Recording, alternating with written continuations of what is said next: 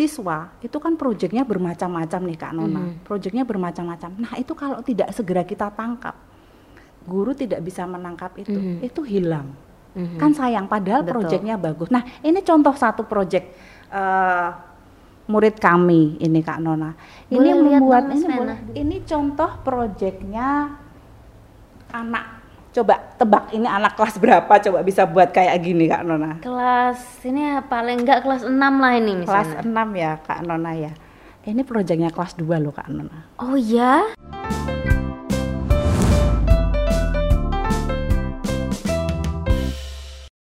Hai teman Sinau, apa kabarnya nih? Selamat hari Sabtu dan senang sekali saya Alfona menyapa teman Sinau kembali di rumah dalam acara Suara Sinau, Sinau Seumur Hidup. Nah hari ini saya kedatangan Miss Vena. Miss Vena ini eh, adalah kepala sekolah dari SD Bukit Aksara. Nanti kita bisa kenalan lebih jauh. Em, hari ini kita juga mau ngobrolin em, tentang project based learning part ketiga. Yang pertama eh, disampaikan oleh Dr. Yulianti, yang kedua oleh eh, Miss Ninu dari segi aplikasinya di KB dan TK. Jadi untuk teman Sinau yang mungkin belum nonton episode-episode sebelumnya bisa langsung diklik aja ya. Oke, Miss Vena, halo apa kabar Miss? Baik, terima kasih sudah diundang ke sini loh Kak Iya. Nona. Saya malah terima kasih sekali sudah menyempatkan datang di tengah-tengah mungkin sibuk ya di sekolah eh, mau ke sini. Mungkin Iswana sebelum kita ngobrol lebih jauh, boleh dong perkenalkan diri ke teman Sinau yang mungkin belum pernah kenalan. Oke, halo teman-teman semua. Eh, saya Vena selaku kepala sekolah di SD. Di sini saya akan eh, berbagi cerita bersama Kak Nona di Suara Sinau tentunya. Selain selain soal kepala sekolah di SD Bukit Aksara, perkenalan lebih lebih lanjut dong misalnya hobinya apa, Oke. passionnya apa. Kan tadi saya sudah sampaikan kalau jabatan. Iya, oke kalau hobi ini eh, kebetulan hobi saya itu bersama anak-anak tentunya. Karena di sini eh, selaku guru kan kita guru ya. Guru itu kita dekat dengan anak nah itu hidup hidup kita dan itu bagian dari hobi kita untuk keep in touch dengan mereka terus satu lagi hobi di luar itu hobinya adalah eh, saya suka traveling Iya. Traveling ke mana yang paling Traveling yang suka? paling suka untuk saat ini adalah di outdoor tentunya. Karena kan outdoor itu tempat yang menarik ya untuk kita apalagi kita orang dewasa, anak-anak aja juga suka ya Kak Nona ya. Nah, Boleh dong Miss Vena sharing sedikit mungkin sebelum kita ngobrol yang lebih serius. Kalau outdoor biasa ke mana? Kayaknya saya perlu rekomendasi tempat juga nih. Iya. Kalau outdoor sukanya ke gunung Kak Nona. Gunung Iya. mana Miss Vena? Kalau sukanya untuk saat ini yang saya suka eh, Gunung Bromo. Oh Iya, jauh dong Miss Vena kalau dari iya. Semarang. Kalian di Semarang aja mana nih? Kalau di Semarang ini sukanya ke ini Merbabu. Sudah pernah ke sana? Belum. saya pernah naik ke gunung ini ya Kawah Ijen. Kawah Ijen itu Itu bagus, tapi butuh tenaga sekali loh itu.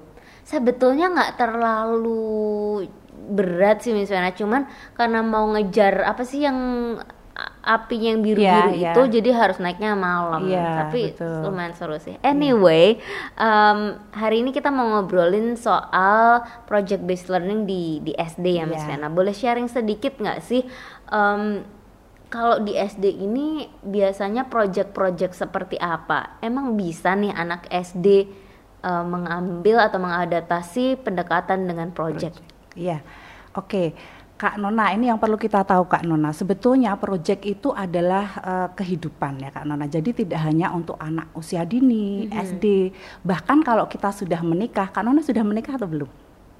Belum. Belum.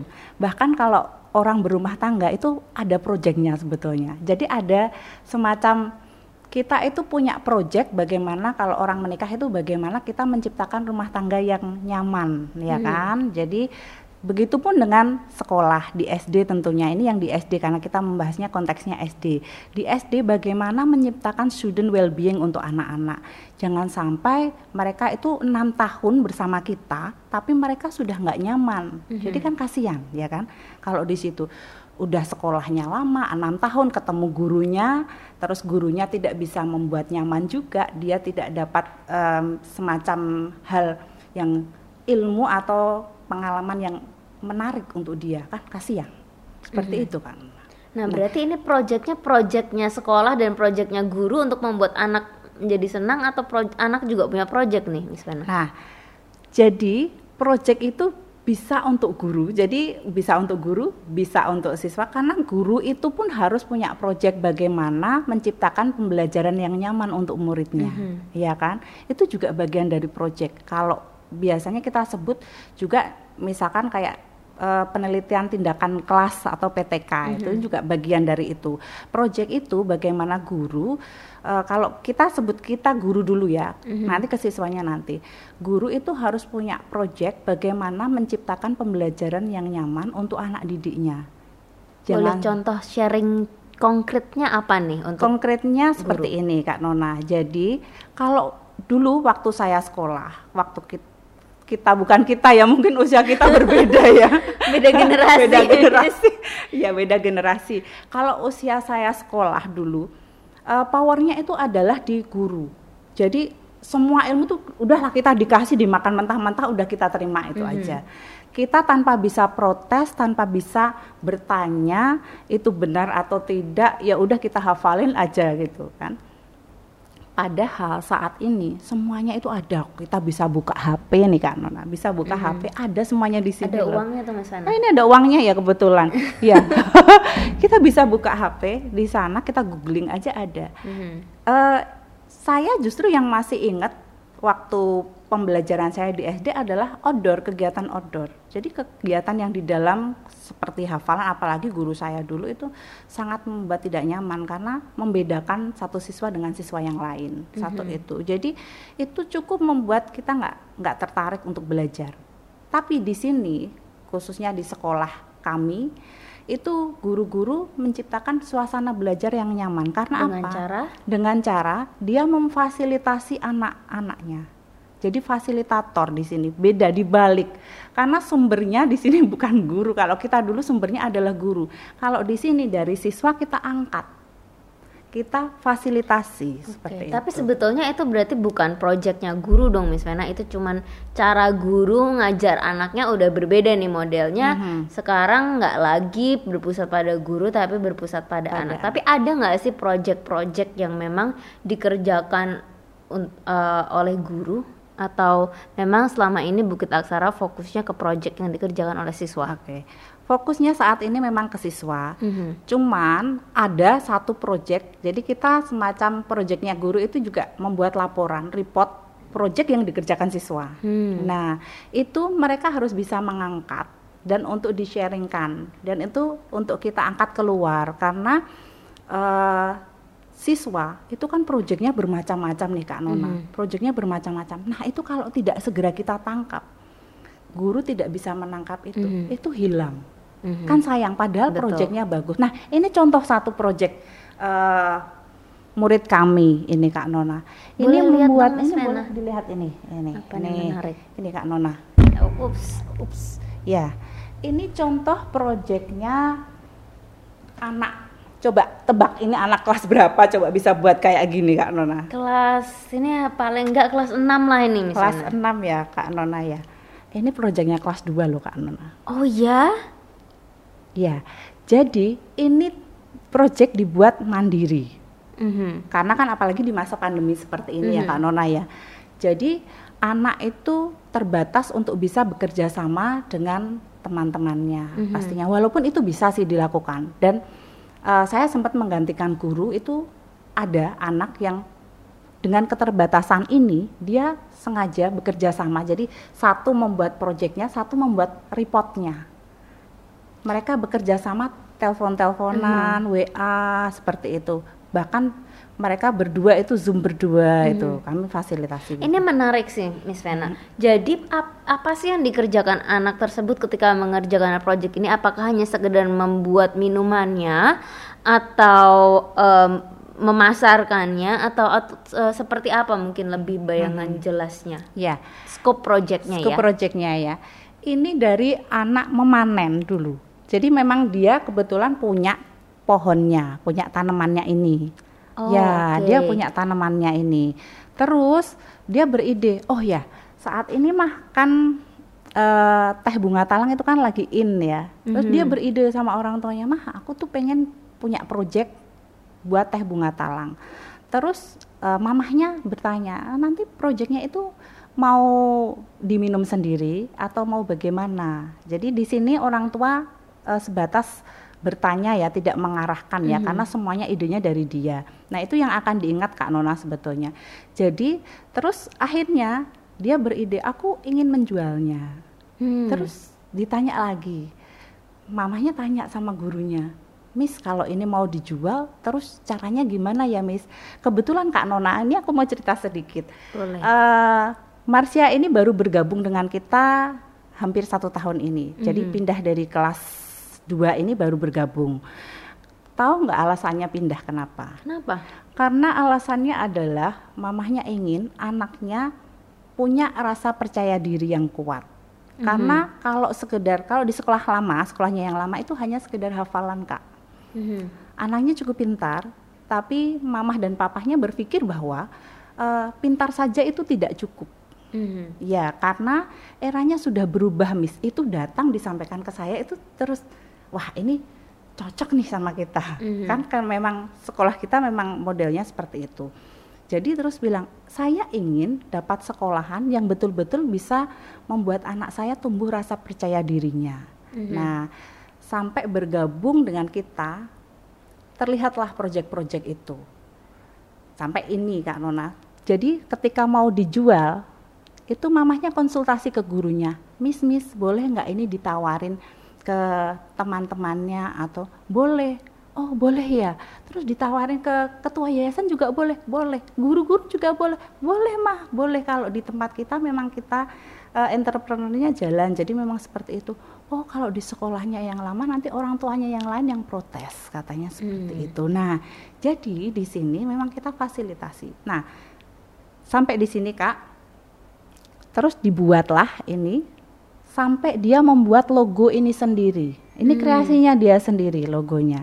Coba dilihat kak Nona, itu eh, cara nempelnya dan cara guntingnya kan kelihatan, ya bahwa Kelihatan. iya kelihatan sekali bahwa ini eh, produknya Masih anak. anak. Aha, Iya. Tapi menarik sekali. Iya, betul.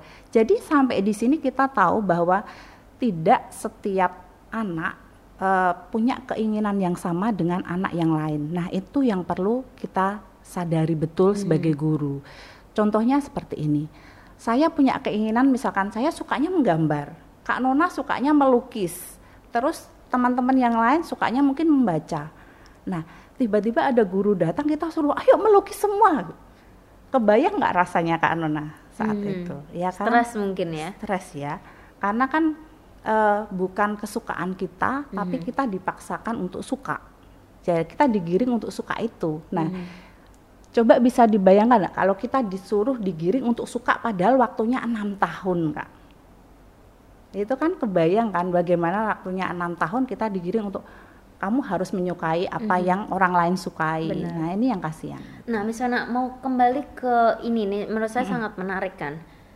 Sebetulnya eh, membuat proyek bunga telang seperti ini itu kan bisa dikerjakan anak di rumah dengan dukungan atau fasilitas dari orang Iya, tua. betul. Jadi apa peran sekolah dong? Ya, di sini peran sekolah adalah berpartner dengan orang tua dan anak, Kak Nona. Jadi, kalau orang tua ada kesulitan, Miss, misalkan, jadi, Miss, ini nanti caranya untuk menawarkan gimana, Miss? Terus caranya aku memfasilitasi anakku gimana, Miss? Ya, butuh konsultasi, teman konsultasi. Jadi di sini guru itu jadi partner orang tua. Jangan sampai guru bilang, "Oh, gitu aja kok nggak bisa sih, Mah." Nah, Gitu. tapi nih Miss Vena, ini Iya. saya sambil coba ya, saya penasaran rasanya seperti apa. Saya berpikir misalkan orang tuanya nggak tahu nih, aduh memasarkannya seperti apa ya marketingnya, gurunya aja belum tentu tahu nih strategi-strategi marketing. Terus gimana Miss Vena? Iya, makanya di sini guru harus banyak belajar kak. Jadi guru tidak harus tahu, tapi guru harus belajar bersama anak-anak seperti itu. Jadi ritmenya kalau dulu kita powernya adalah di guru-guru itu super maha tahu ya kan. Mhm. Kalau di sini bedanya di project adalah guru nggak harus hmm. serba tahu. ngomong-ngomong rasanya unik sekali misalnya. rasanya unik ya. Tapi ini menyehatkan loh kak. Gitu ya. Iya. Bisa melunturkan kolesterol ya iya. misalnya ya. Melunturkan kolesterol katanya bisa buat diet juga. Oh oke oke oke. Jadi yang kurus-kurus jangan minum ini loh. Iya gitu. Kalau project lainnya selain ini seperti apa, Miss Vena? Maksudnya uh, bagaimana guru um, apakah ide-ide kadang benar-benar semuanya murni dari anak atau kadang guru bisa membuat tema-tema tertentu atau memberikan ide untuk mm -hmm. khususnya untuk SD ya. Iya, kalau untuk SD Kak Nona karena ini kan anak-anaknya sudah lebih mandiri ya, hmm. lebih dewasa, dia sudah bisa menentukan keinginannya sendiri. Jadi kalau di SD ini betul-betul customize. Jadi anak itu punya uh, kesenangan apa sih dalam dia membuat project. Jangan sampai seperti ini dia buat project. Terus uh, projectnya sama dengan temannya, mm -hmm. tapi dia nggak engage di situ, dia nggak suka. Mm -hmm. Misalkan dia hanya terpaksa untuk melakukan. Nah makanya itu yang kita hindari. Contoh okay. ada satu project anak ini berdasarkan cerita orang tuanya dia waktu itu membuat Lego. Mm-hmm. Dia project Lego. Dia sampai menyampaikan ke orang tuanya, "Mah, tahu nggak, Mah? Ini project yang paling membahagiakan untuk aku." Mm. Setelah project itu dibuat customize. Jadi dia bebas menentukan project. Terus orang tuanya tanya, "Kak, itu tuh apa sih, Kak?" Mama aja nggak tahu itu apa gitu Mama dia bisa menerangkan di sini kuncinya adalah bukan produknya ya kak Nuna ya, mm-hmm. tapi prosesnya di mana dia berproses, dia bisa trial error di situ sampai mamahnya itu tanya, kakak bisa jelasin nggak proyek itu? Ini loh, ini tuh gedung loh mah, ini tuh mm-hmm. bagian ini, nah ini tuh gudang, gudang itu tempat penyimpanan mah. Terus mama bisa naruh barang-barang itu, walaupun itu kreasinya dia, tapi dia ketika kadang kita ber bercerita itu kan kalau kita suka ya Kak Nona itu mata itu berbinar-binar. Nah, itu yang ditangkap oleh orang tuanya dan disampaikan ke saya waktu itu.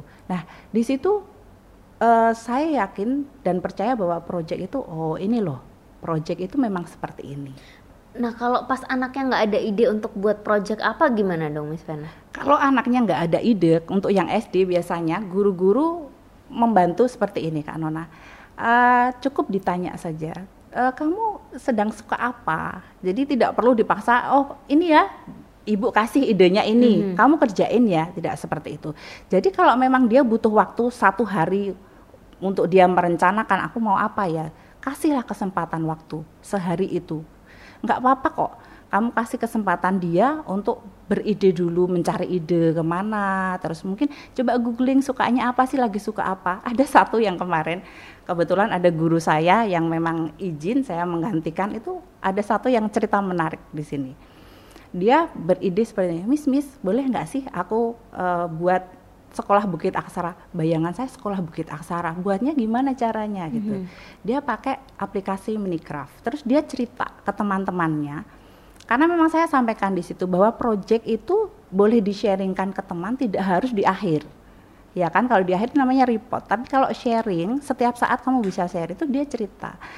Aku tuh pengen sekolahku tuh punya kebun binatang. Terus ada satu lagi temannya usul gimana kalau dibuat ini apa semacam peternakan? Kenapa hmm. peternakan? Gitu kan masih ingat enggak waktu kita kelas 3 jadi itu posisi kan aku menggantikan kelas 5 nih kak. Hmm. kelas 3 itu kita punya uh, ayam waktu itu punya ayam itu kan kita hanya punya kandang. Jadi ada kandangnya. Bagaimana kalau kita punya satu tempat yang memang dikhusus pakai untuk peternakan? Terus mau diisi apa gitu. Hmm.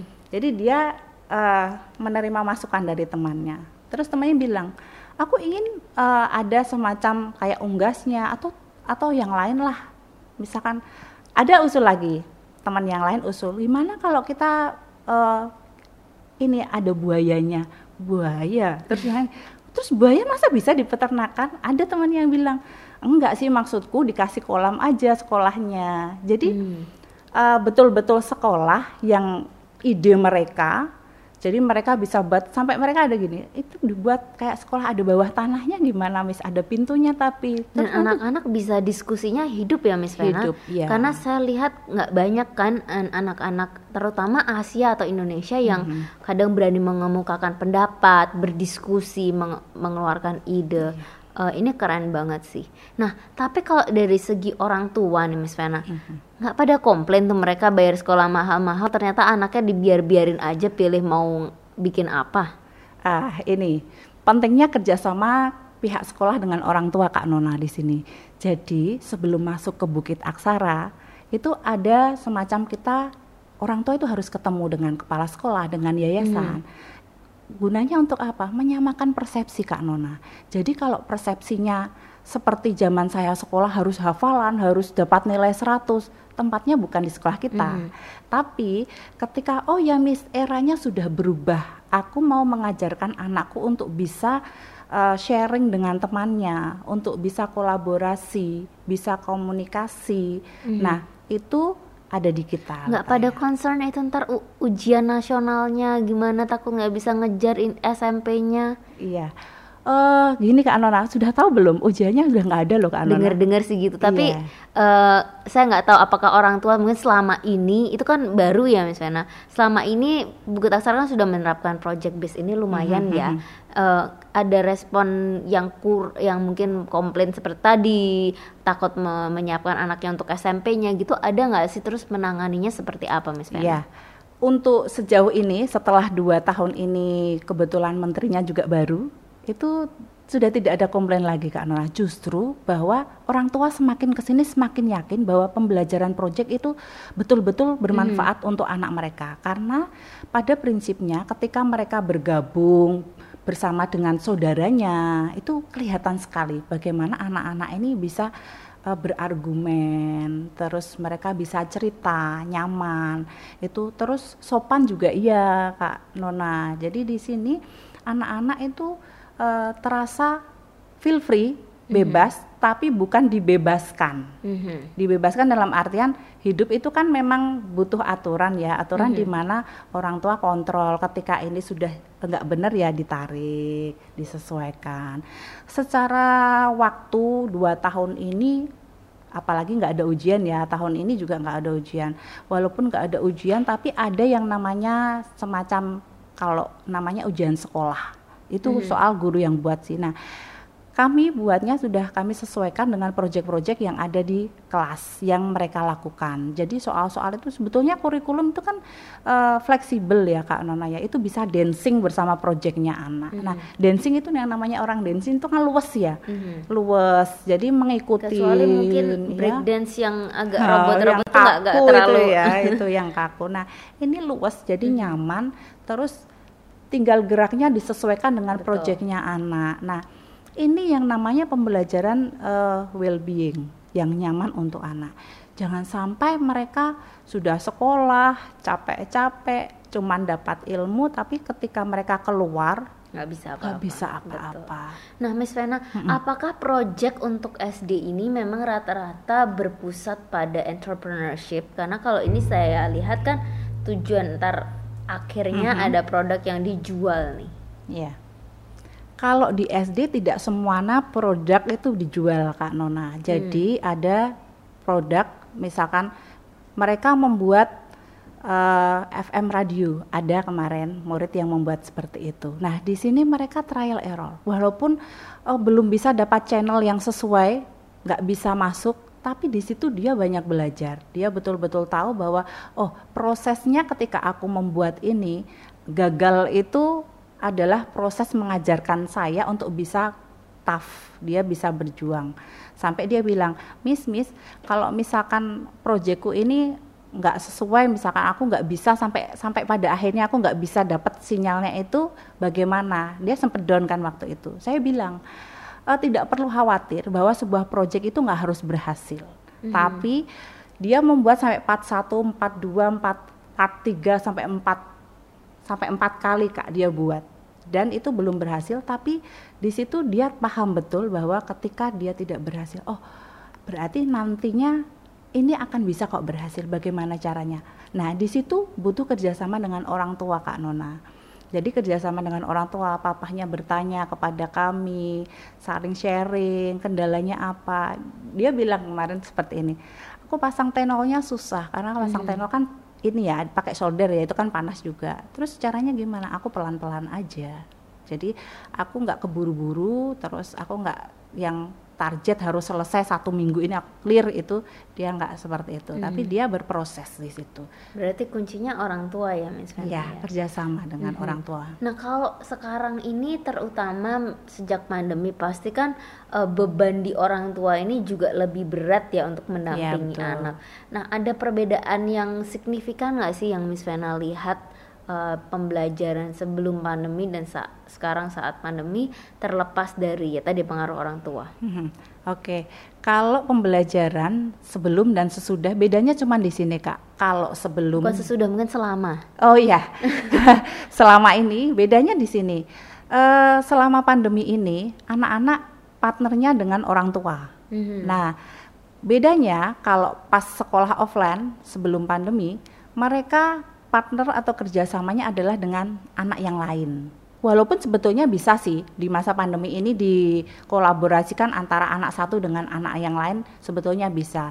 Tapi di sini membuktikan bahwa di masa pandemi ini bahwa proyek itu tetap bisa hidup. Mm-hmm. Iya, karena apa? Karena anak-anak betul-betul tahu mereka itu sukanya apa, mereka mau membuat proyek apa, tidak berdasarkan proyeknya orang lain, dan tidak berdasarkan idenya orang tua juga. Hmm. Nah, orang tua di sini tinggal uh, ngikutin, ngikutin dia mau ambil proyek apa, mau ngerjain apa sih ini, yang mau dia tarik apa. Terus penilaiannya seperti apa itu, Miss Vena? Penilaian untuk anak-anak. Nah, hmm penilaiannya di sini disesuaikan. Jadi kurikulum SD itu kan ada kompetensi-kompetensinya, hmm Kak Nona. Jadi ada kompetensi. kompetensi. Nah, inilah gunanya guru. Jadi tidak perlu yang misalkan membuat project terus nanti ini ya kita ukur panjangnya ini mm-hmm. cuman ditanya aja terus projectmu itu panjangnya berapa kamu butuh butuh alat dinamo itu berapa sih untuk membuat uh, radiomu mm-hmm. seperti itu jadi di situ dia bisa menjawab oh ini panjangnya aku kemarin panjangnya segini nah itu kurikulumnya masuk tanpa um, buat dia betul-betul tertekan ya hmm. kita harus harus anak harus bisa berhitung 1 sampai 20 harus ini. Terus jadi penilaiannya berdasarkan kemampuan anak menjawab. Ya, dari otentik itu sendiri langsung penilaiannya. Oke, okay, oke. Okay. Uh, eh, kalau kurikulumnya di SD sendiri kan sebetulnya baku, lumayan baku ya yeah. misalnya. Apakah tidak ada arahan dari dinas atau apa untuk mengikuti uh, kurikulum yang sudah ada atau memang uh, dari mereka juga dibebaskan nih terutama Bukit Aksara untuk uh, pembelajarannya sangat luas seperti ini ya. Mm-hmm, iya. Kalau kurikulumnya sebetulnya ada uh, sampai sepuluh misalkan kompetensi uh, pengetahuan itu ada satu sampai sepuluh mm-hmm. yang harus memang diikutin kalau uh, semen cuman tidak ada aturan yang kurikulum itu harus urut Kak Nona. Ini yang perlu mm. diketahui. Hanya selama ini itu kan sudah dibuat buku ya, ada buku yang kita mau pakai buku itu atau enggak. Kalau menurut saya kompetensi itu luas nggak harus dipaksa ini satu dua tiga ikutin hmm. satu. Nah kalau seperti itu berarti kita kembali lagi ke zaman saya sekolah ya. Zaman, ini kembali ke zaman saya sekolah. Jadi saya juga sekolah masih seperti itu kok oh, masih sama berarti ya. Berarti eranya pada sudah berbeda juga ya Kak Nona ya? Mungkin mungkin kalau dulu masih sering dipukul pakai penggaris kayu besar saya mungkin udah enggak oh, gitu. gitu ya. Ya sih saya sempat sempat punya guru matematika yang seperti itu Kak Nona. Dan itu cukup membuat kita nggak nyaman. Mm-hmm. Ya, jadi kita nggak nyaman untuk belajar. Gimana kita mau nyaman ya sekolah tapi tertekan. Mm-hmm. Mau datang ke sekolah aja, kalau anak-anak Bukit Aksara datang ke sekolah itu mereka nyaman, mereka mm-hmm. seneng. Bahkan pulangnya minta dijemput, mah jemputnya telat ya mah jangan mm-hmm. tepat waktu ya mah. Eh, ini gitu. kita bukan promo Bukit Aksara ya, iya. cuman sekedar sharing ya, iya. sekedar sharing. Iya, Siapa tahu yang mau mau ke Semarang untuk melihat-lihat juga boleh loh Kak Nona nanti kalau masa pandemi ini sudah lewat, kalau ada yang mau datang melihat-lihat uh, pembelajaran di Bukit Aksara seperti apa, betul nggak sih seperti ceritanya yang mm-hmm. yang di luar sana Bukit Aksara? Oh boleh, silahkan datang mm-hmm. dilihat bahwa memang pembelajaran di tempat kami itu adalah pembelajaran yang berpusat pada anak seperti itu. Keren banget nih Miss Lena. Oke deh, um, mungkin uh, sekarang kita ngobrolnya segini dulu. Kapan-kapan mungkin kita bisa ngobrolin topik yang berbeda ya Miss Lena. Siap. Terima kasih sekali nih udah bawain contoh uh, project dari anak sangat luar biasa sekali. Walaupun rasanya unik. Uh, nanti akan saya habiskan. Semoga suka ya kak ya. Iya, demi demi ini uh, kurusan sedikit kata kata dokter kolesterol saya agak tinggi jadi oh, mungkin gitu perlu ya? saya habiskan Iya, gitu. Oke deh Miss Vena, mungkin sebelum kita tutup uh, Miss Vena ada pesan-pesan apa untuk orang tua yang memiliki anak SD dan mau memfasilitasi anaknya dengan proyek di rumah? Silahkan Iya. Miss Vena. Baik, untuk para orang tua, eh, terima kasih. Eh, silahkan bekerja sama dengan anak, berpartner dengan anak, dan hargai setiap perkembangan anak. Karena setiap perkembangan anak itu satu anak dengan anak yang lain itu berbeda. Jadi di situ ketika kita menghargai mereka, mereka pasti akan menghargai kita sebagai orang tua itu Kak Nona. Oke, sip. Terima kasih Miss Vena. Oke deh teman Sinau, segitu dulu. Kita ngobrol lebih seru lagi di Sabtu depan ya. Bye-bye. Bye-bye.